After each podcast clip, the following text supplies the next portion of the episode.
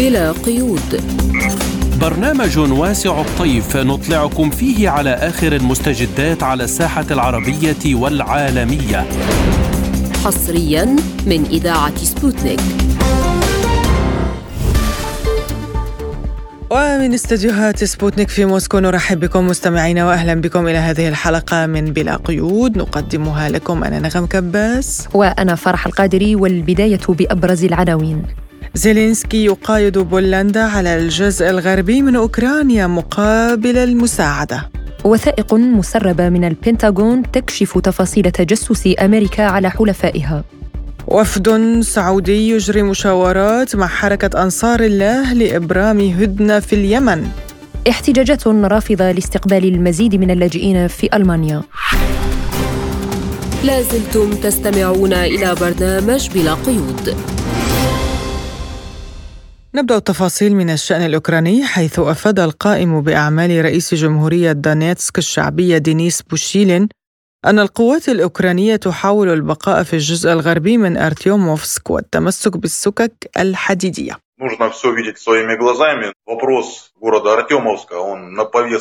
ينبغي مشاهدة الواقع بأم العين فقضية أرتيومسك مطروحة على جدول الأعمال في جميع أنحاء العالم كما التقطتها وسائل الإعلام الغربية.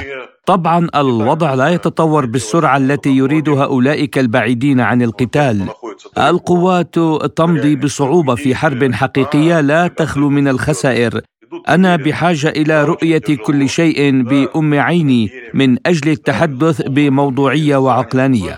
ماريوبول هي حالة تختلف عن أرتيوموفسك ما هي الوظائف التي سيتم استعادتها هناك؟ وكم عدد السكان الذين سيعودون؟ كان من المهم بالنسبة لي أن أكافئ الرجال وأتعرف على ظروف عيشهم وهم يخوضون المعارك في ساحات القتال. فهم لديهم رؤيتهم الخاصة للمستقبل والوطن. كان هذا ما قاله القائم بأعمال رئيس جمهورية دونيتسك الشعبية دينيس بوشيلين. وذكرت وسائل إعلام أمريكية أن الولايات المتحدة لم تعد تثق بنجاح نظام كييف بإدارة العملية أو تحقيق أي نجاح ملموس في الميدان ضد القوات الروسية حول هذا الموضوع يقول المحلل السياسي دمتري جورافلوف يبدو لي أنهم لا يثقون بالنجاح وإلا لما كان هناك تسرب من البنتاغون. لم يكن الأمريكيون سيسمحون بذلك ابدا لو كانوا يأملون أن يأتي شيء من هذه المغامرة برمتها. ولكن بما أن الهزيمة ليست ذات أهمية بالنسبة لهم فمن الممكن الاستمرار في اللعبة السياسية. ومع ذلك لست متأكدا من أنهم يريدون المفاوضات لأن الحرب تناسبهم بكل أشكالها فهم لا يقاتلون من أجل انتصار أوكرانيا بل من أجل استنزاف روسيا. أما بالنسبة لتقديمهم مثل هذه التقييمات فهم بذلك يغطون أنفسهم وعندما سينهار كل شيء سيقولون لقد حذرناهم. أعتقد أنهم بهذه الطريقة لا يعطون رسائل للمفاوضات بل يحضرون لاحتواء سقوطهم. استمعنا إلى ما قاله المحلل السياسي دمتري جورافلوف وللحديث عن هذا الموضوع ينضم إلينا عبر الهاتف مدير المركز الأوروبي لدراسات مكافحة الإرهاب الدكتور جاسم محمد. أهلا بك دكتور في بلا قيود. تحياتي تحياتي. أبدأ من ما ذكرته وسائل الأعلام وتداولته بأن زيلينسكي الرئيس الأوكراني وعد بولندا بالجزء الغربي من البلاد مقابل المساعدة هل تعتقد أن هذا يتوافق مع متطلبات وتطلعات الشعب الأوكراني؟ بدون شك لا يوجد شعب يقبل أن يخسر جزء أو يقتطع جزء من أراضي، فما يقوم به زيلينسكي يجد إنه هو واقع تحت ضغوطات وهذه الضغوطات ربما هو يراهن على استمرار الحرب. ولذلك نجد إنه يحاول أن يعمل كل ما بوسعه في سبيل الحصول على إمدادات الأسلحة، غير مستبعد أن يقدم تنازلات إلى بولندا في موضوعات يعني ضم أراضي غرب أوكرانيا مقابل أن تقدم وارشو يعني ربما كتائب أو فصائل مرتزقة داخل أوكرانيا وكذلك ممكن أن يكون مشاركة غير معلنة إلى خبراء أو جنود بولنديين. ما عدا ذلك نلاحظ أنه وارشو تلعب دور كبير في استثمار حرب أوكرانيا منها استثمارات عسكرية ومنها استثمارات سياسية واقتصادية تحاول أن تزج بكل ما عندها في حرب أوكرانيا. يعني يمكن أن تسلم زيلينسكي مثلا أسلحة فتاكة؟ أسلحة فتاكة عندما تكون بين مزوجين فتاكة. هذا آه، ممكن آه، يعني موضوع تكهنات أو موضوع ربما في الوقت الحاضر موضوع تساؤلات. كون إن يعني الحروب أيضا تشهد ربما وجود أسلحة هذه الأسلحة ممكن تكون مثل القنابل العنقوديه مثل ما ذكرت بريطانيا ممكن استخدام دبليتد يورانيوم في الصواريخ والذخيرة. فهذه ممكن أن تستخدم لكن أجد في الوقت الحاضر لم نصل إلى هذه المرحلة. فأجد أنه في الوقت الحاضر من المستبعد أن تقدم بولندا وارسو أسلحة فتاكة إلى إلى أوكرانيا وكل ما تقدمه هو أسلحة تقليدية وربما من حقبة الاتحاد السوفيتي السابق سواء كانت على مستوى الدبابات أو على مستوى الطائرات ميد وغيرها. آه، طيب دكتور يعني آه، هناك آه، وسائل إعلام أمريكية نقلت عن وثيقة مسربة بأن أمريكا تشكك في أن الهجوم المضاد الأوكراني المرتقب هذا الربيع سيتمكن من تحقيق أهدافه المحددة بشكل متواضع هل برأيك سيغير الهجوم المضاد للقوات المسلحة لأوكرانيا مسار العملية العسكرية الخاصة؟ الهجوم المضاد آه، يعني في ضوء التسريبات التي صدرت من آه، البنتاغون المقصود أنه هنالك وثائق تم تسريبها وهذه الوثائق آه، جاءت أيضا في بالتوازي مع تحضير أوكرانيا إلى وجود يعني معركة مرتقبة في مايو أو خلال الربيع وهذه المعركة ربما تتحسب لها أيضا روسيا آه، كثيرا وتحسبت لها وما يجري أيضا في باكموت وليس بعيدا أيضا عن كل ما يجري من المواجهة في أي معركة مرتقبة. فأجد أن يعني في الوقت الحاضر في الوقت الحاضر أجد أنه أو أنا شخصيا أستبعد أن يكون هنالك هجوم مضاد من قبل أوكرانيا أو من قبل الغرب في هذا الربيع. كون إن يعني عنصر المفاجأة في كل حرب هو عنصر هام. واجد إنه في آه، مع في أي معركة قادمة والتي كان مقرر إنه خلال الربيع أو في شهر مايو اجد إنه انتزعت منها عنصر المفاجأة بسبب هذه التسريبات. ولا أستبعد إنه هذه التسريبات ممكن أن تكون من يعني هنالك فرضيات لكن لو أخذنا فرضية واحدة هنالك ثلاث فرضيات لو تحدثنا عن الفرضية الأولى بان الولايات المتحدة هي من آه، آه، يعني سرعت بقصد هذه التسريبات والغرض إنه هي تريد أن تكون آه، بحل من التزاماتها في تقديم إمدادات أكثر إلى أوكرانيا وهي لا تريد في مواجهة عسكرية. توافق دكتور أن الولايات المتحدة الآن أصبحت تشك بنجاح نظام كييف من تحقيق أي تقدم في الميدان، يعني هي الولايات المتحدة أصبحت تشك به وبهذا القدرة على تحقيق فرق في الصراع الدائر هناك. هل هذا يعني ربما تتوقف عن الإمدادات أو تتراجع أو هي تريد أن تحفظ ماء الوجه وتتراجع بطريقة ما؟ بالضبط هي تريد أن تتراجع بطريقة يعني تجد عذر أو حجة في سبيل أن تتراجع والتراجع هو يعود لأسباب. يعني مثل ما ظهرت التسريبات بأن الولايات المتحدة تتجسس على زيلينسكي وعلى القوات الأوكرانية ووجدت بأن القوات الأوكرانية ليس بقادرة على إنجاز أو على المواجهة.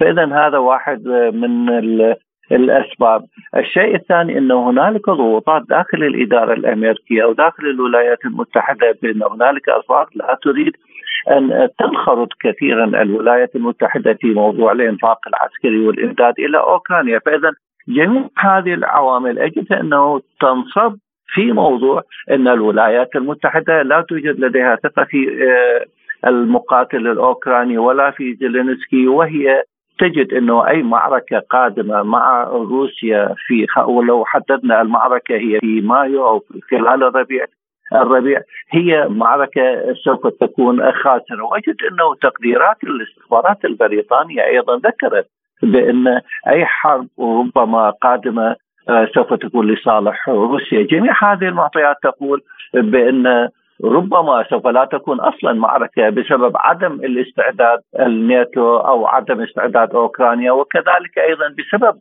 أجد أنه هنالك أسباب لوجستية أيضا. يعني استهلكت أوكرانيا الكثير من الذخيرة والكثير من الأسلحة وكذلك هنالك أيضا نقص في الإمدادات وهنالك تململ أيضا عند الأطراف الممولة أو التي تقدم الإمدادات إلى أوكرانيا. آه، طيب دكتور يعني بالحديث عن الاستفزازات الغربية للجانب الروسي آه، الصحفي الأمريكي سيمور هيرش قال بأن أمريكا أرادت ابتزاز روسيا بتفجيرها خط أنابيب السيل الشمالي من أجل منع العملية العسكرية الروسية الخاصة بأوكرانيا.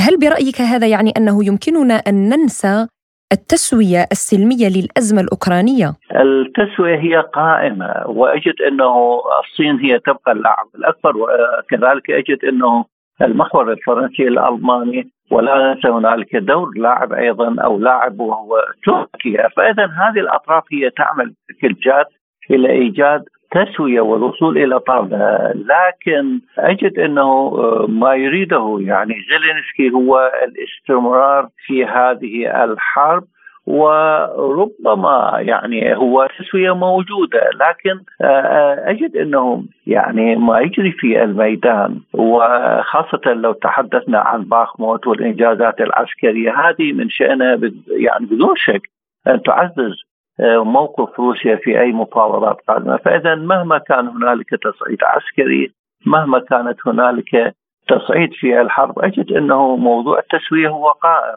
وربما تكون هنالك فرصة من خلال اللاعب الأكبر في موضوع الأمن وهو الصين، ولذلك نجد أنه حتى زيارة ماكرون إلى الصين قد استحوذت كثيرا على موضوع أن يكون هنالك دور في أن يكون ضغوطات من بكين على موسكو في اقناعها في الجلوس حول طاولة المفاوضات والخروج باتفاق تسوية نعم. ولكن بما أنه دكتور عم نتحدث عن التسوية اليوم أوروبا آه، كيف ستتأثر بكل ما يحدث في أوكرانيا حتى الآن لا يوجد أي آه، ذكرت حضرتك زيارة ماكرون للصين ولكن لا يوجد أي خطوط عريضة مفهومة من قبل أوروبا واليوم زيلينسكي يقول سنهدي أراضي أوكرانية إلى بولندا كيف سيؤثر ذلك على الأمن الأوروبي بشكل عام؟ دول أوروبا يعني إلى حد يوم أمس آه، آه، كانت تظاهرة كبيرة اشترك فيها أكثر من 200 ألف فقط في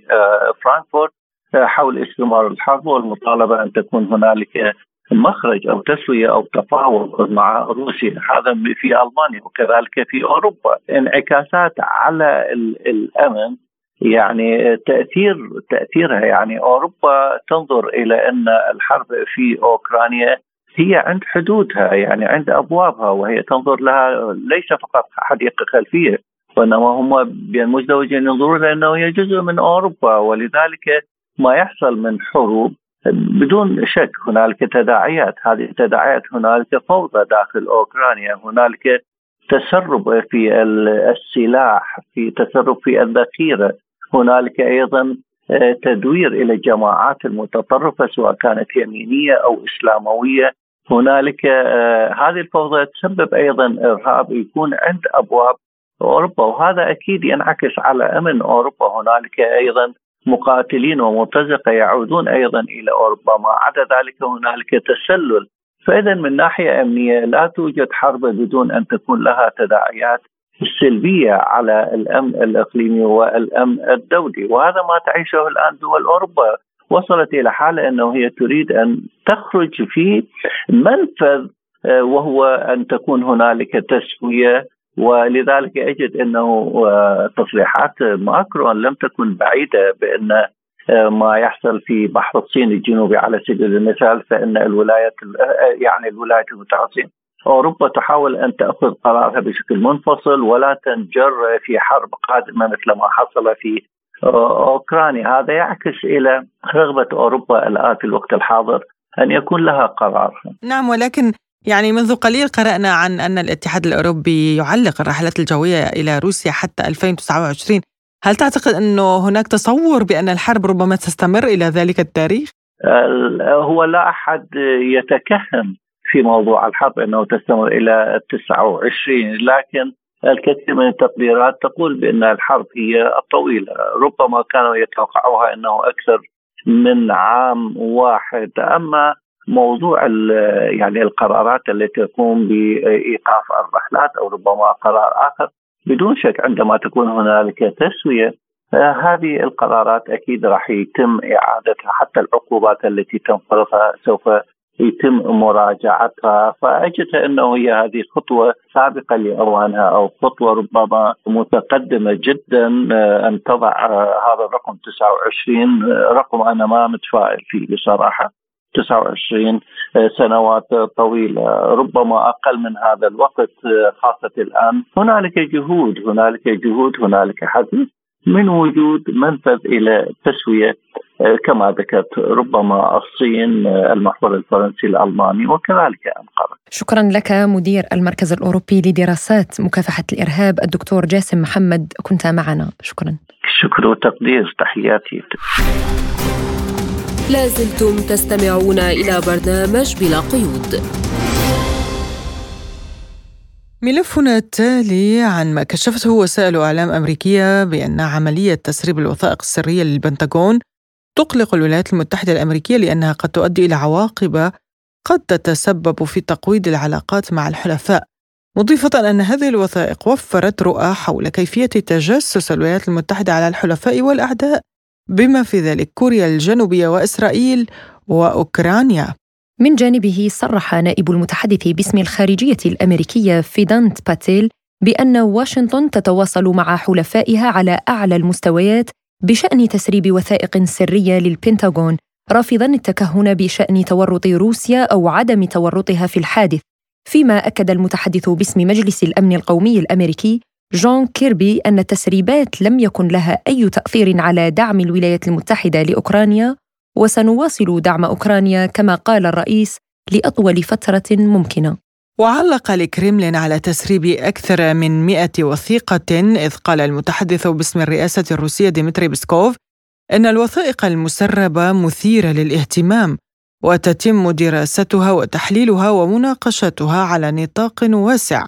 موضحا أن الميل إلى إلقاء اللوم على روسيا في كل شيء هو مرض شائع. وعلقت النائبة بمجلس الدوما الروسي ماريا بوتينا عن عدم كفاءة إدارة بايدن بعد تسريب هذه الوثائق. أعتقد أن الأمريكيين سربوا الوثائق بأنفسهم جدير بالذكر أن الحملة الانتخابية انطلقت بالفعل في الولايات المتحدة وأنا أرى التلميحات الأولية بأن إدارة بايدن غير كفوءة وأنه يجب وقف التمويل لأوكرانيا بسبب عدم وجود المال الكافي. في الواقع الوثائق المسربة تركز بشكل خاص على ذلك ولا يزال هناك نوع من لعبتهم الداخلية حول إسرائيل لكننا مهتمون الآن أكثر بما يرى يرتبط بروسيا وأوكرانيا. من الواضح أن هذا موضوع كبير مع تعرض بايدن بالفعل لضغوط قوية جدا متعلقة بهذه الوثائق. بدوره يعتبر المحلل السياسي الروسي ليونيد كروتاكوف أن التحقيق الداخلي في التسريبات يؤكد وجود خلل في نظام أمن المعلومات. لم تكن مراقبة الولايات المتحدة لزيلينسكي سرا حتى منذ أيام الضابط السابق في وكالة المخابرات المركزية إدوارد سنودن. بعد التنصت على المكالمات الهاتفية في ذلك الوقت للمستشارة الألمانية أنجيلا ميركل والرئيس الفرنسي فرانسوا أولاند حقيقة لم يكن هناك ما يثير الدهشة من التنصت على شخصيات سياسية أخرى، لأنهم إذا كانوا يتنصتون على أقرب حلفائهم فمن الطبيعي جدا أن يتنصتوا على أولئك الذين يقومون بعمليات عسكرية ضد روسيا. أنا أعتقد أنهم يخضعون للسيطرة الكاملة. هل تتصرف الولايات المتحدة كصانع سلام من نوع ما هنا؟ ربما يكون من السذاجة التحدث عن ذلك فالاستنتاج الوحيد الذي يمكن استخلاصه هو أن إمداد أوكرانيا بالصواريخ بعيدة المدى يعني أن الولايات المتحدة ستسمح مباشرة لشن ضربات على الأراضي الروسية. أعتقد أن التحقيق الداخلي في التسريبات تؤكد وجود خلل في نظام أمن المعلومات وهذا بدوره لن يمنع من توريد الأسلحة إلى أوكرانيا. لأن أوكرانيا بالنسبة للولايات المتحدة اليوم هي مشروع رئيسي لاحتواء روسيا ولن يتخلوا عن هذا المشروع وإلا ستكون خسارة عالمية بالنسبة لهم. إلا أن أوروبا كلها وكل الشرق الأوسط وأفريقيا سيرون أن الولايات المتحدة غير قادرة على حل المشاكل العالمية وأن روسيا هي الأقوى. وللتعليق أكثر حول هذا الموضوع نستضيف معنا الخبير بالشؤون الأمريكية الدكتور محمد سيد أحمد من القاهرة أهلا بيك واهلا بكل السادة المستمعين. نبدأ يعني دكتور محمد مما يجري حاليا وما كشفت عنه الوثائق السرية التي تم تسريبها من البنتاغون. يعني آه، واشنطن كانت قد تجسست على الرئيس الأوكراني فلاديمير زيلينسكي حسب ما آه، قالته وسائل إعلام أمريكية، برأيك كيف سينعكس هذا على مسار العلاقات الأمريكية الأوكرانية وأيضا على الخطة الأمريكية في الأراضي الأوكرانية؟ يعني أنا أعتقد إنه الأخبار التي تسرب من البنتاجون لابد أن تكون آه، في إطار خطة موضوعة من قبل الإدارة الأمريكية، الإدارة الأمريكية آه، يعني يعني تتصرف ب نوع من أنواع ال ال يعني الدقه الشديدة في آه، تسريب حتى المعلومات. وبالتالي أنا بشوف إنه آه، ما يتم لن يؤثر على العلاقات لأنه العلاقة آه، علاقة علاقة تبعيه كاملة ما بين أوكرانيا وما بين يعني الولايات المتحدة الأمريكية والإدارة الأمريكية يعني حين نتحدث عن البنتاجون نحن نتحدث عن أحد يعني الأذرع القوية والقوة الصلبة آه، داخل الولايات المتحدة الأمريكية وبالتالي آه، الإدارة الأمريكية تدرك آه، ادراكا حقيقيا حين تسرب مثل هذه المعلومات أنها بالفعل قد انتهت هذه الورقة ويمكن أن تضحي حتى بزيلينسكي نفسه وأعتقد إنه زيلينسكي ما هو إلا ورقة من ضمن الأوراق التي تلعب بها الولايات المتحدة الأمريكية والحرب أصلا الروسية آه، الأوكرانية آه، هي حرب بالوكالة ما بين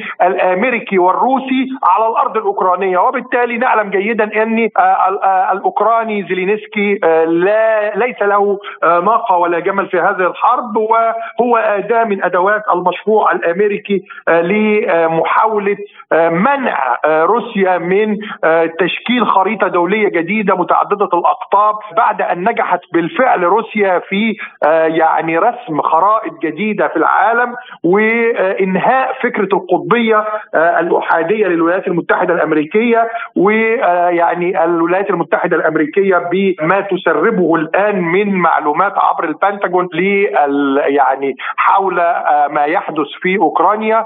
هو محاولة ل آه، يعني الانسحاب على ما أعتقد يعني وإنهاء آه، هذه الحرب التي آه، أدركت الولايات المتحدة الأمريكية أنها خسرتها آه، بشكل نهائي وأعتقد إن زيلينسكي نفسه سيتم يعني التضحية به كما ستضحى أصلا بأوكرانيا التي تستخدم كورقه في الصراع مع الأقطاب الجديدة في العالم خاصة القطب الروسي. نعم دكتور يعني ماذا عن الموقف الأمريكي بإقحام روسيا في كل مشكلة في كل شيء فورا الاتهامات تتوجه إلى روسيا بأن روسيا المسؤولة عن هذه التسريبات ومحاولة توريط آه، موسكو في هذه القضية. آه، يعني أنا أعتقد إنه الولايات المتحدة الأمريكية بالفعل آه، يعني تعتمد على هذا الدور وتعتمد على هذا الأسلوب في إدارة الصراع السياسي على المستوى الدولي. تحاول تشويه صورة يعني يعني يعني روسيا أمام الرأي العام العالمي خاصة وأنها تمتلك آلة إعلامية جهنمية جبارة تعمل طوال الوقت ل يعني رسم صورة ذهنية لدى الرأي العام العالمي. مغايره لما يحدث على أرض الواقع وتحاول تشويه صورة يعني روسيا بشكل كبير لكن روسيا اعتادت على هذا في الصراع. الطويل آه، منذ حتى أيام الاتحاد السوفيتي وأيام الحرب الباردة مع الولايات المتحدة الأمريكية والولايات المتحدة الأمريكية لا زالت يعني آه، تمارس نفس آه، الدور في محاولة لتشويه خصومها السياسيين على المستوى الدولي. نعلم جيدا إنه العالم بالفعل تغير إلى حد كبير في العقد الأخير وبالفعل الآن ترسم خرائط جديدة للعالم و خرائط نفوذ جديدة لم تعد الولايات المتحدة الأمريكية قطب أوحد وأصبح هناك عالم متعدد الأقطاب. هناك آه، يعني روسيا آه، تطل بقوة وتظهر بقوة على الخريطة الدولية ومعها أيضا آه، الصين. وأعتقد ان التحالفات الجديدة التي يتم تشكيلها الآن لن تجدي الآلة الإعلامية الأمريكية في تغيير يعني نظر ورؤية الرأي العام حول ما يحدث من أساليب لقد سقطت ورقة التوت عن ال ال التي كانت تستر عورة السياسة الأمريكية. وأصبح الآن يعني الوضع يعني ينذر بأن العالم أصبح يدرك ادراكا حقيقيا بكل يعني التزييف التي تقوم به الولايات المتحدة الأمريكية ضد خصومها خاصة حتى ما تم من تعمية على ما يحدث في الحرب الروسية الأوكرانية. روسيا لم تدخل هذه الحرب إلا دفاعا عن أمنها آه، القومي الذي آه، يعني كان مهددا من قبل آه، الولايات المتحدة الأمريكية وحلفائها الغربيين وأوكرانيا كانت ساحة من ساحات يعني إدارة هذا الصراع. وأنا أعتقد أنه هزيمة المشروع الأمريكي على الأرض الأوكرانية وصمود روسيا هو الذي يعني أدى إلى يعني محاولة تشويه الصورة وخلط الأوراق عبر ما يتم تسريبه الآن من آه، معلومات وأخبار عن آه، يعني آه، ما يحدث الآن عبر البنتاجون طيب دكتور يعني هذه الوثائق المسربة من البنتاغون أظهرت أن واشنطن تتجسس على جميع حلفائها وهناك تقارير إعلامية كشفت أن هذه التسريبات تمت بواسطة مسؤول أمريكي ويقال أيضا أن لدونالد ترامب يد في ذلك. ما تعليقك؟ يعني أنا فكرة يعني الاعتماد على إنه التسريب يأتي عبر مسؤول أو يأتي عبر يعني حتى إذا كان هذا المسؤول هو دونالد ترامب الرئيس الأمريكي الاسبق أنا بعتقد إنه هذا الكلام يعني لا يتم في ظل دولة كبيرة مثل الولايات المتحدة الأمريكية دولة مؤسسات لا يستطيع الأفراد إنهم يقوموا بمثل هذه العمليات وإلا تم تصفيته يعني أنت تتحدث تحدثي عن آه، يعني إدارة آه، تدير العالم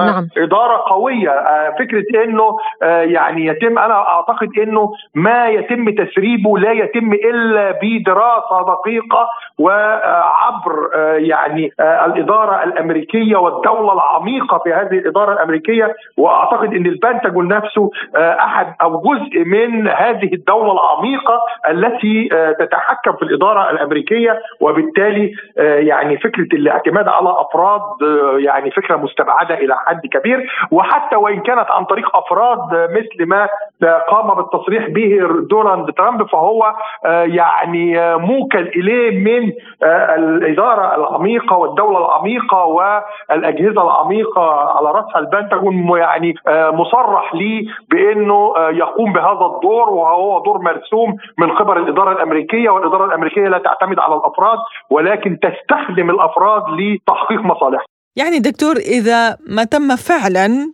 إثبات هذه الواقعة والتجسس الفعلي على الحلفاء وعلى الجميع على ما يبدو لأنه ليست هذه المرة الأولى بالنسبة لواشنطن هي تجسست سابقا على أوروبا وميركل.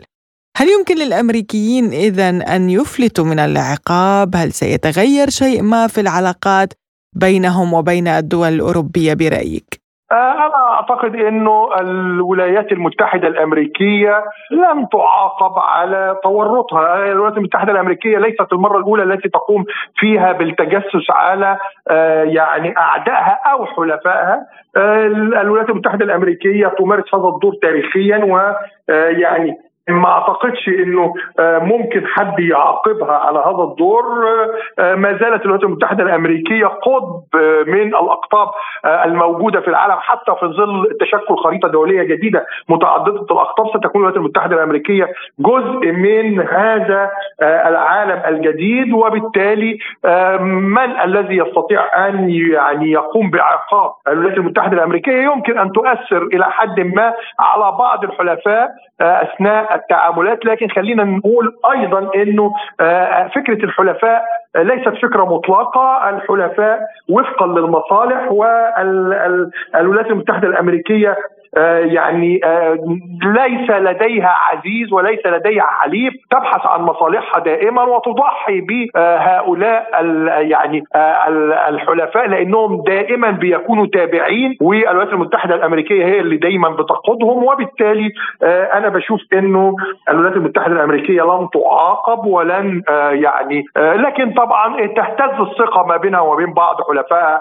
نتيجة هذه العمليات التجسسية التي تقوم بها على هؤلاء الحلفاء. نعم الخبير بالشؤون الأمريكية الدكتور محمد سيد أحمد كنت معنا عبر الهاتف من القاهرة. شكرا لك دكتور. لازلتم تستمعون إلى برنامج بلا قيود. وإلى الشأن الداخلي في اليمن أعلن سفير المملكة العربية السعودية لدى اليمن محمد سعيد آل جابر أن هدف زيارته لصنعاء هو دعم الهدنة والحوار بين الأطراف اليمنية. قائلا استمرارا لجهود المملكة لإنهاء الأزمة اليمنية ودعما للمبادرة التي قدمتها المملكة. عام 2021 أزور صنعاء وبحضور وفد من سلطنة عمان الشقيقه بهدف تثبيت الهدنة ووقف إطلاق النار ودعم عملية تبادل الأسرى وبحث سبل الحوار بين المكونات اليمنية للوصول إلى حل سياسي شامل ومستدام في اليمن. من جانب آخر قال عضو المكتب السياسي لجماعة أنصار الله اليمنية محمد البخيتي إنه لا حاجة للبحث عن تفسيرات غير واقعية لتبرير المفاوضات ما بين صنعاء والرياض ويجب تسمية الأشياء بمسمياتها. وأن السعودية ليست وسيطا وإنما طرفا في الصراع ونحن غير مستعدين للتفاوض معها مرة ثانية من خلال رئيس مجلس القيادة اليمني رشاد العليمي الذي تم تعيينه من قبلها ولكن هذا لا يغني عن الحاجة لحوار يمني يمني دون أي تدخلات خارجية على حد قوله. لمناقشة الموضوع أكثر نستضيف معنا الخبير بالشأن اليمني الأستاذ أحمد شوقي أحمد. أهلا وسهلا بك ونبدأ مباشرة من هذه الزيارة بين الوفدين السعودي العماني وحركة أنصار الله. هل يمكننا اليوم وبعد هذه الزيارة أن نتوقع تقدما في مسار المفاوضات حول إنهاء الصراع في اليمن برأيك؟ في الحقيقة ليس من الواضح ما طبيعة المشاورات القائمة في الوقت الراهن. ربما هناك عملية تنسيق أولية للبدء في التسوية السياسية لكن مدى جدية هذه التسوية ومدى إمكانية استمرارها هذا محكوم في آه، عدة. الواقع والتسريبات التي تخرج الآن إلى الإعلام هو الحديث عن آه، الحالة لبعض الأزمات الإنسانية حديث عن تبادل أسرى آه، حديث أيضا عن تنسيق فيما يتعلق بوضع ميناء الحديدة ووضع والموارد النفطية في البلاد. هذه المسألة أعتقد إنها يعني ما زال مبكرا آه، أن يتم التعويل على آه، نتائجها أو آه، آثارها في إحداث تسوية سياسية في بدل المنظور.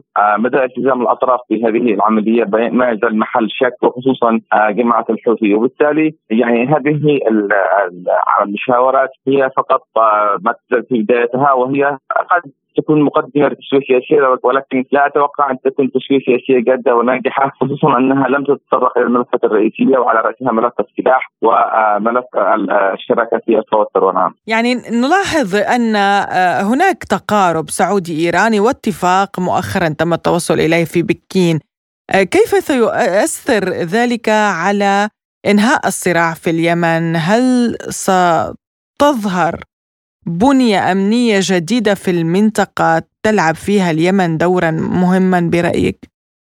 طبعا التقارب السعودي الإيراني هو ربما جاء نتيجة ل يعني جهود دولية ربما تكون الصين في الواجهه وروسيا في الخلف من أجل دعم مثل هذا التقارب بين بين إيران والسعودية، لكن ال ال أيضا هناك ظروف ذاتية تتعلق بعمليه التقارب منها بالنسبة للايرانيين المشاكل الداخلية المتفاقمة خلال الفترة الماضية والاضطرابات الداخلية التي أصبحت تهدد بقاء النظام. وبالنسبة للسعودية رغبتهم في الشروع في مثلا حماية مصادر الطاقة في في الخليج العربي عموما وفي السعودية خصوصا والبدء بشركه نمويه عملاقه لا تكون مهددة خصوصا في ظل يعني تفاقم الأزمات الدولية الراهنه سواء الأزمة الأمريكية الروسية فيما يتعلق ب أو الغربية الروسية فيما يتعلق بملف أوكرانيا أو الأزمة أيضا الأمريكية الصينية في الفترة الماضية. وبالتالي هناك مخاوف من تنعكس الصراعات الدولية على المنطقة في الخليج. هذه هذا التقارب أيضا هو بحاجة إلى يعني إعادة اختبار مدى جديته ومصداقيته من خلال التزام الأطراف وخصوصا الطرف الإيراني بما يعني يطرحه من التزامات وتعهدات فيما يتعلق بميليشياته في المنطقة. إيران لا تتصور أنها ربما تكون جادة فعلا 100% أو إذا كان هناك جدية فعلا في أن تتخلى عن دورها في توظيف هذه الميليشيات في صناعة ازمات في المنطقة فيجب أن يكون هذا هذه الجدية واضحة بشكل عملي في الفترة القادمة، إذا لاحظنا على سبيل المثال أن الحوثيين بدأوا في تقديم تنازلات حقيقية وهي ليست تنازلات انما هي حقائق يجب الاعتراف بها وهي أنهم ليسوا طرفا شرعيا حقيقيا معترفا به دوليا، أيضا أنهم لا يمثلوا قطاعا واسعا في الشعب الشعب اليمني وإنما هم يمثلوا اقليه محدوده لا تتجاوز 15% هذا من الناحيه الطائفية والمذهبية أيضا. إذا قدموا يعني طرحا معقولا ومقبولا في أي مفاوضات سلام وتم الاتفاق عليها وبدأوا بالتفاوض حول مسألة السلاح هنا نستطيع أن نقول بأن إيران كانت فعلا جادة في عملية التقارب مع السعودية، لكن إذا لم تنتج آثار حقيقية فيما يتعلق بالسلام في اليمن من قبل ميليشيا الحوثي لم تقدم طرحا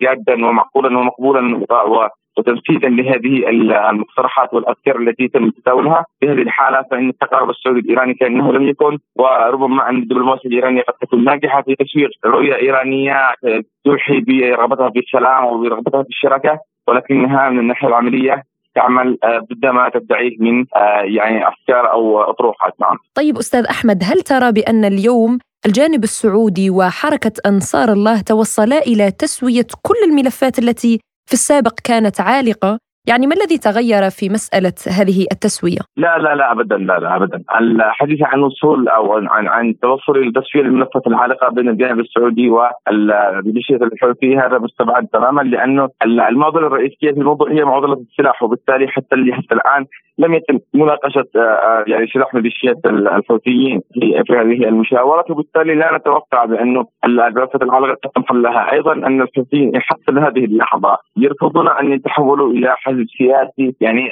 وشريك لبقية الأطراف والقوى السياسية، هم ما زالوا محتفظين ب قوتهم العسكرية وأيضا محتفظين ببنيتهم الأيديولوجية العنصرية من جهة، العدوانية من جهة أخرى، الراديكالية من جهة ثالثه، وبالتالي لا يمكن أن نقول بأن الملفات العالقة قد تم تسويتها، أعتقد انه ما يمارس الان هو عملية تضليل ضخمة جدا في الحديث عن عملية سلام متوقعه هذه عملية التضليل ربما الغرض منها أن الأطراف التي دخلت في هذه المفاوضات تريد أن تسوق لنفسها ولجديتها في عملية سلام لإقناع أطراف أخرى على سبيل المثال هناك رغبة من قبل السعودية من قبل من قبل السعودية وإيران في يعني إشعار بعض الأطراف الخارجية خصوصا مثلا الصين بأنهم جادون في في هذه المشاورات ربما تجنبا للحرج. أيضا هناك رغبة من السعودية في إظهار آه، جديتها في الدخول في مفاوضات السلام من أجل أيضا الضغوط الغربية وكذلك الآن أصبحت الاسيويه عليها لمثل هذه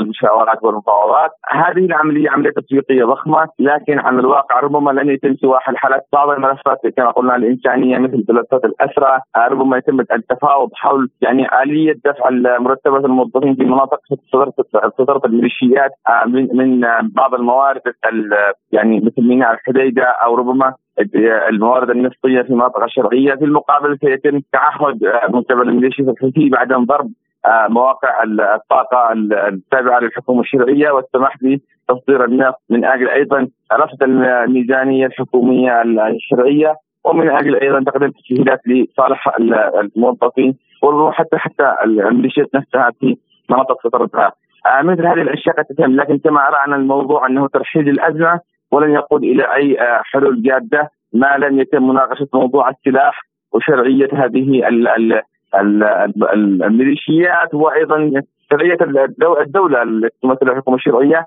إضافة إلى يعني الملفات السياسية والفكرية نظرة الميليشيات في الحكم في اليمن، الميليشيات تعتبر أن الحكم في اليمن ينبغي أن يكون حكما بالحق الإلهي وأن يكون ممثلا بسلالة معينة عنصرية لكن النظرة الشرعية والاطراف المؤيده لها ترى أن النظام الحكمي ينبغي أن يكون نظاما جمهوريا ديمقراطيا وهذا ما ترفضه الميليشيات. حتى وإن تحدثت عن قبولها له ظاهرين ولكن من حيث الممارسة ومن حيث السلوكيات ومن حيث الاليات التي استخدمتها يرفضوه تماما. نعم. الخبير بالشأن اليمني أحمد شوقي أحمد كنت معنا في هذه المداخلة وهذه الحلقة. شكرا لك. لازلتم تستمعون إلى برنامج بلا قيود. وإلى ألمانيا أين تجددت الاحتجاجات الرافضة لاستقبال المزيد من المهاجرين واللاجئين معبرين عن غضبهم من بناء وحدات سكنية جديدة لهم بالرغم من أزمة العقارات والإيجارات حتى أن الألماني نفسه لم يعد يجد شقة للإيجار تأويه وعائلته. إضافة إلى ذلك يشعر الألمان بالقلق من التهديدات المحتملة لأمنهم مع زيادة تدفق اللاجئين من أوكرانيا وسوريا وأفغانستان. ففي كانون الثاني الماضي نقلت صحيفة ألمانية عن وثيقة سرية للمفوضية الأوروبية بعنوان تقرير عن وضع الهجرة واللاجئين قالت فيه إن عدد طالبي اللجوء في ألمانيا زاد بمقدار الثلث مقارنة بنفس الفترة من العام الماضي وهذا الرقم أعلى رقم منذ عام 2016 وللحديث عن هذا الموضوع ينضم إلينا رئيس المركز العربي للدراسات السياسية والاجتماعية الدكتور رياض الصيداوي. أهلا وسهلا بك وسؤالي يعني هل ستسمع السلطات لمطالب المحتجين اليوم؟ في الواقع موضوع الهجرة إلى ألمانيا عنده الكثير من الجوانب الخفية التي لا يعلن عنها حتى في وسائل الإعلام أهم جانب هو أن ألمانيا بلد شيخوخة تحتاج إلى يد عاملة شابة بلد المعمرين فيه والمتقاعدين فيه أكثر من الشباب. لهذا فتحت الباب على مصراعيه مثلا لهجرة حوالي مليون سوري إلى ألمانيا. ليس حبا في هذا المليون السوري ولكن فعلا لتجديد شباب الشعب الألماني حتى تأتي عمالة جديدة تحتاجها. ثمة مشكل ديموغرافي كبير جدا في ألمانيا وفي أغلب الدول الأوروبية. يعني غير صحيح كل الدول الأوروبية تحتاج إلى هجرة لكن شابة من دول أخرى، اذا ألمانيا استقطبت حوالي المليون مهاجر سوري لأسباب اقتصادية وديموغرافية خاصة بألمانيا كما قلت أكثر منها حتى أسباب إنسانية، لكن التدفق الكبير هذا يؤدي طبعا إلى عدة مشاكل، المشكل الأول هو أزمة الشقق وأزمة السكن، وهنا الألماني العادي يحس مباشرة بأنه فعلا أصبح في إشكال كبير جدا للحصول على شقة. ثم أزمة توابير ثم أغلب هؤلاء المهاجرين ليس لديهم عمل في البداية فيذهبون إلى المساعدة الاجتماعية. المساعدة الاجتماعية أيضا تصبح في حالة عجز كبير جدا. تتراكم كل هذه المشاكل إلى أن تؤدي أن أحزاب سياسية يعني تستغل هذه الظروف وتغذي وتغذي أفكار معاداة الهجرة والمهاجرين وخاصة اليمين القومي المتطرف. نعم دكتور يعني المواطن الأوروبي خرج إلى الشارع بسبب ضغط اللاجئين بسبب تأثير اللاجئين سلبا على المواطن نفسه، لماذا برأيك لا تستجيب السلطات للشعوب؟ بالنسبة لألمانيا طبعا ثم السبب كما قلت ديموغرافي هي تحتاج فعلا إلى هؤلاء المهاجرين خاصة لما يكونوا شباب. ثم عندها ترسانة قوانين داخلية. ثم المواقف السياسية مثلا فيما يتعلق بأوكرانيا. تريد الحكومات الغربية وعلى رأس ألمانيا تقول نحن متضامنين مع الشعب الأوكراني نحن نساند الشعب الأوكراني إذا نحن نستقبل اللاجئين من أوكرانيا. لكن ذلك على حساب قانون الحصص كوتا يعني إنه أي دولة أو كم نستطيع أن نستقبل من مهاجر كم نستطيع أن نستقبل باللاجئ هل لدينا بنى تحتية من شقق. وعلاج ومستشفيات لاستقبال هذا العدد الكبير من اللاجئين اذا الحكومة تحاول أن توازن بين مصالحها العميقة كما قلت وهي تحتاج إلى الهجرة ثم هذه الأزمة أو تراكم الأزمات من خلال هذه الهجرة الكبيرة جدا والمكثفه وفي نهاية المطاف غير منظمة ثم طبعا الاحتجاجات. الاحتجاجات كما قلت تصبح رهان حزبي في الصراع الداخلي بين الأحزاب تلتقطها أحزاب عادة القومية حتى تواجه بها الحكومات القائمة. طيب يعني هل يمكننا الحديث الآن عن بداية أزمة هجرة خطيرة في أوروبا؟ ربما قد تتطور لصدام بين المواطن الأوروبي والمهاجر. أزمة الهجرة كانت موجودة حتى تاريخيا كل الدول الأوروبية هذه هي من سعت وبحثت عن مهاجرين خاصة آه، فرنسا مثلا كانت تبحث عنهم في دول المغرب العربي وترسل مراسيم من أجل أن يأتوا في السنوات الخمسين والستينات والستينات من القرن الماضي والثورة الصناعية والرفاهية. كلها بنيت على حساب هؤلاء المهاجرين. لكن أيضا نعرف أن مسألة الهجرة موضوع حساس جدا لأي دولة كانت في العالم إذا لم ينظم وإذا لم يست... وإذا لم تستطيع الحكومة أن تمتص هذا العدد من المهاجرين بدون التأثير على رفاهية وحياة مواطنيها العادية إذا ثم تناقض كبير يتراكم شيئا فشيئا. نعم ممكن أن يؤدي إلى انفجار اجتماعي كبير خاصة مع التضخم الهائل الذي تعيشه الدول الأوروبية بسبب مقاطعة روسيا وبسبب الغاز الروسي وبسبب النفط الروسي. نجد الآن طوابير ونجد سلع مفقودة وغلاء فاحش في مواد الطاقة انعكس على القدرة الشرائية للمواطن الأوروبي الذي يرى أن كل المصائب تأتيه من خارج الحدود وليست من الداخل وإنما لأن حكوماته تدخلت في شؤون دول أخرى أو في قضايا أخرى لا تعنيه بشكل أو بآخر. ربما ماكرون عبر عن هذا بنوع ما حينما قال مؤخرا من يومين تقريبا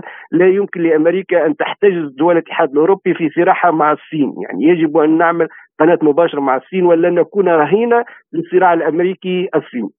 يعني دكتور أزمة اقتصادية هجرة كل هذه الأمور تسليح أوكرانيا كل ذلك كل ذلك يضغط على المواطن الأوروبي كيف ترى اليوم آه هذا الوضع في أوروبا بشكل عام ورفض الشعوب لتصرفات الحكومات وإلى ماذا سيؤدي؟ هو طبعا دول الاتحاد الأوروبي حالة بحالة، الحالة الواضحة هي مثلا ما يحدث في فرنسا مظاهرات كبيرة وصاخبه تزعزع أركان حكم ماكرون. ألمانيا بدأت مظاهرات. بريطانيا أيضا سبقته بمظاهرات كبيرة جدا. المواطن الأوروبي فقد قدرته الشرائية. يرى أن حكوماته تتدخل في شأن دولي لا يخصه مباشرة لكنه يدفع ضريبه ذلك بشكل كبير. أعتقد أننا في بصدد أزمة اجتماعية اقتصادية خانقة.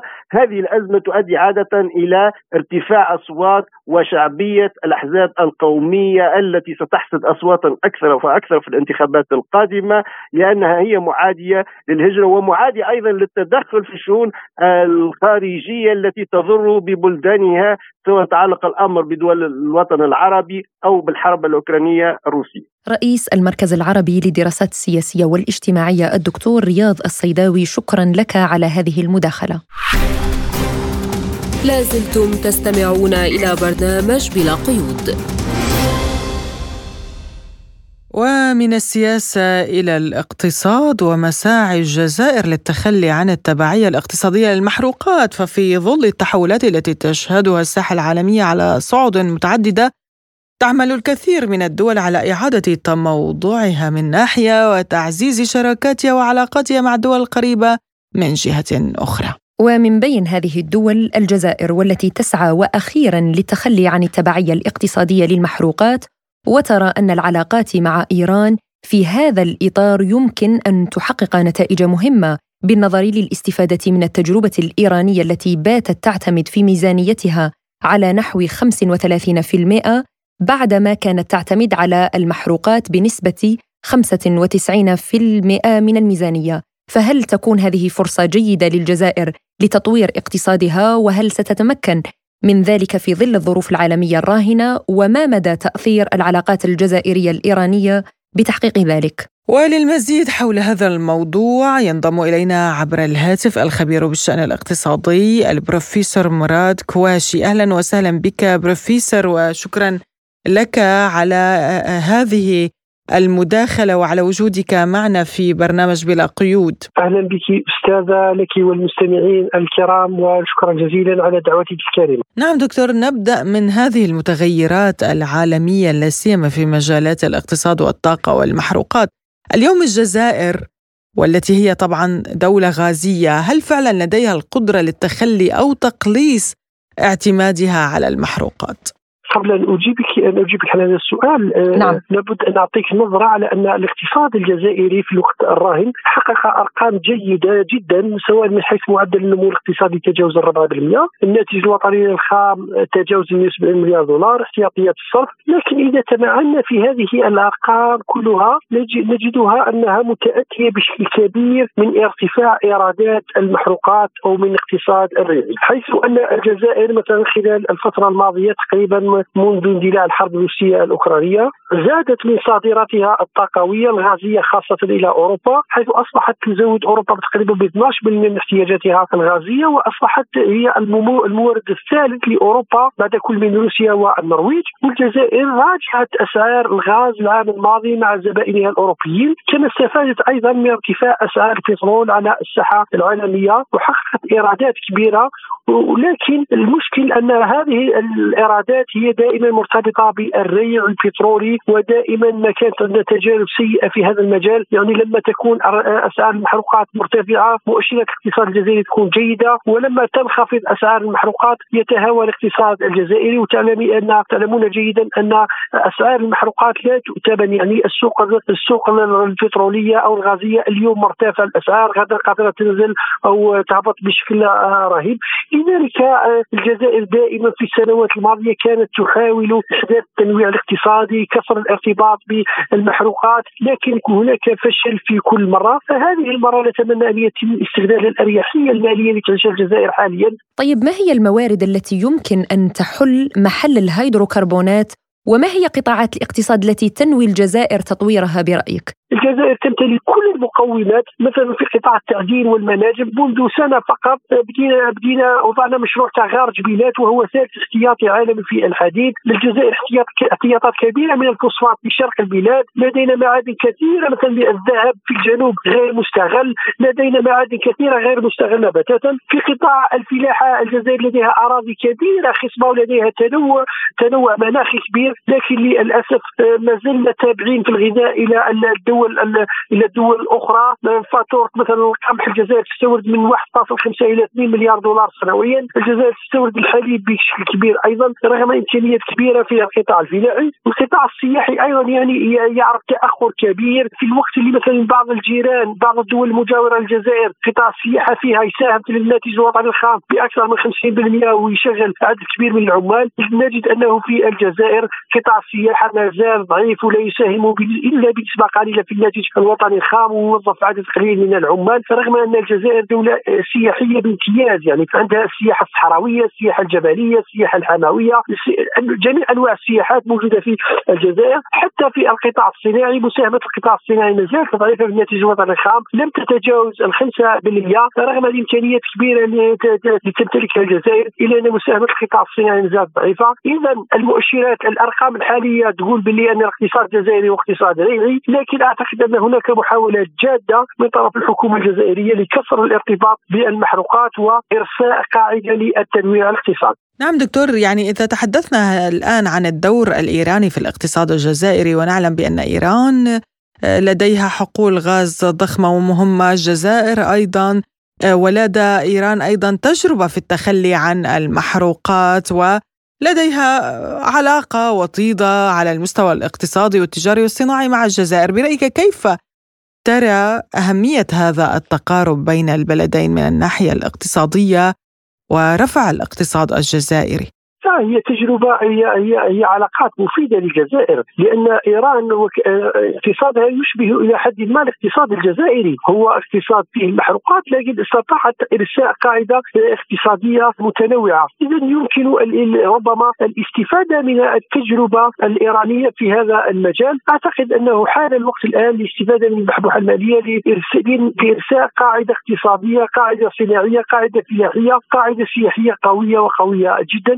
والجزائر حتى تبحث الآن من خلال غربله شركائها. لو لو نلاحظوا الآن أن العلاقات الاقتصادية بين الجزائر وفرنسا عرفت نوع من التقهقر والجزائر تبحث عن شركاء حقيقيين يعاملونها بمبدأ المثل بالمثل ولذلك هي ترغب في الانضمام إلى مجموعة آه، البريكس اللي فيها دول عظمى مثل روسيا مثل الصين مثل آه، الهند لأنها تريد الاستفادة من تجارب هذه الدول تريد الاستفادة من الانتقال والتحويل التكنولوجيا آه، للأسف الشديد إحنا كان عندنا اتفاق شراكة مع الاتحاد الأوروبي ربطنا به لعدة سنوات. كان الاتفاق على أن الجزائر أن يتم الاستثمار في الجزائر وانتقاء تحقيق استثمارات أوروبية في الجزائر في مختلف المجالات وأيضا تحويل تكنولوجيا من الاتحاد الأوروبي للجزائر. لكن للأسف الشديد اتفاق منذ العديد سنوات الجزائر لم تستفيد لا من استثمارات أوروبية ولا من انتقال التكنولوجيا بل بالعكس من ذلك الجزائر خسرت ملايير الدولارات سنويا نتيجة للإعفاءات الضريبيه التي كانت تقدمها للسلع الأوروبية سنويا. برأيك يعني ما المكاسب التي ستجنيها الجزائر من وراء التخلي عن المحروقات؟ لا أنا لا نستطيع القول التخلي، أنا أعتقد أن الوقت الحالي يجب اللعب بكل الأوراق الرابحة، ورقة الغاز هي ورقة رابحة، ورقة النفط هي ورقة رابحة، ورقة الطاقات المتجددة الطاقة الطاقة الشمسية أو الهيدروجين الأخضر أو حتى الطاقات الأخرى هي أوراق رابحة، ولكن يجب تدعيم هذه الأوراق بأوراق أخرى. نعم ليس تخلي، ليس تخلي كما تقول حضرتك، طيب ما هي هذه الأوراق والبدائل برأيك؟ البدائل هي قاعدة صناعيه متطورة، الفلاحة يجب تطوير القطاع الفلاحي بشكل كبير، السياحه يجب استغلال الامكانيات السياحية التي تسخر بها بلادنا لدينا العديد من البدائل في الذهب لم يستغل في عدد كبير تخيلي عدد كبير من المعادن لم تستغل منذ الاستقلال إلى يومنا هذا، الفلاحة أيضا مساحات كبيرة غير مزروعة، مساحات غير مسخية، اذا لدينا إمكانيات كبيرة، أنا من الناس اللي النادي بضرورة الاستفادة من ورقة الطاقة لأنها ورقة مربحة خاصة في الظروف الحالية أين العالم يشهد ازمه طاقويه، لكن يجب عدم الاعتماد فقط على الطاقة لأن النفط أو الغاز اليوم معك غدوه يكون ضدك غدوه بعدما ربما تحط الحرب الروسية الأوكرانية أوزارها قد تتهاوى أسعار البترول والغاز. ونقع في مازق الذي دائما نقع فيه يعني وقعنا في نفس المازق منذ قبل. الجزائر كانت في أريحية مالية كبيرة في وقت الرئيس السابق بوتفليقه لكن في سنة 2020 لما تهاوت أسعار البترول الجزائر لم تجد حتى ربما سيولة باش تسدد ربما اجور الموظفين. نعم نشكرك ضيفنا الكريم الخبير بالشأن الاقتصادي الجزائري البروفيسور مراد كواشي كنت معنا من الجزائر. مشروع رحمة الرمضاني لمساعدة المحتاجين وإلى فقرة رحمة الرمضانية إذ أقامت جمعية الأمل للأيتام في قطاع غزة احتفالا بيوم اليتيم العالمي بهدف إدخال الفرح والسرور إلى قلوب الأطفال الأيتام. وتخلل الاحتفال فعاليات وأنشطة ترفيهية وافطارا جماعيا للأطفال الأيتام وذويهم. هذه المبادرة تأتي ضمن سلسلة فعاليات تستهدف دعم اليتيم في القطاع من خلال تقديم كسوة ومساعدات مالية وأنشطة ترفيهية خلال شهر رمضان. ويقول إياد المصري المدير التنفيذي لجمعية الأمل للأيتام لوكالة سبوتنيك بأن هذه الفعالية تستهدف ألفي يتيم لإدخال الفرحة إلى قلوبهم في شهر رمضان الكريم. تأتي هذه الفعالية للاحتفال بيوم اليتيم العربي. ضمن عدة فعاليات تقوم بها جمعية معهد الأمل للأيتام بدأت بكسوة اليتيم توزيع كسوة لأكثر من 500 طفل. ويأتي هذا الإفطار اليوم وهذا الحفل الترفيهي.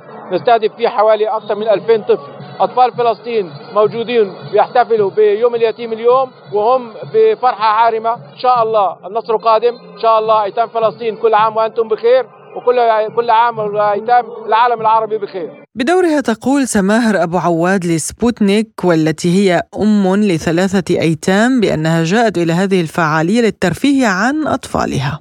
جينا أنا وأطفال الأيتام للانتفاع في يوم اليتيم حتى يفرحوا وينبسطوا بهالفعالية ونحس إنه إحنا كنا أسرة مت...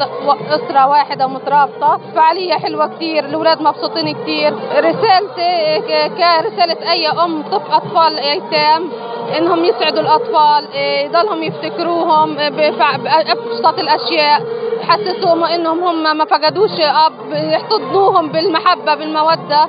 ويبلغ عدد الأيتام الإجمالي في قطاع غزة 26 ألف يتيم نتيجة حروب إسرائيل على القطاع أو وفاة الأهالي الطبيعية منهم 34.2 بالمئة من الفئة العمرية بين خمس سنوات إلى عشر سنوات وفق إحصائية لوزارة الشؤون الاجتماعية في قطاع غزة. وبهذا الملف نصل وإياكم مستمعينا الكرام إلى ختام حلقة اليوم من برنامج بلا قيود. قدمناها لكم من استديوهاتنا في موسكو أنا فرح القادري. وأنا نغم كباس إلى اللقاء. إلى اللقاء.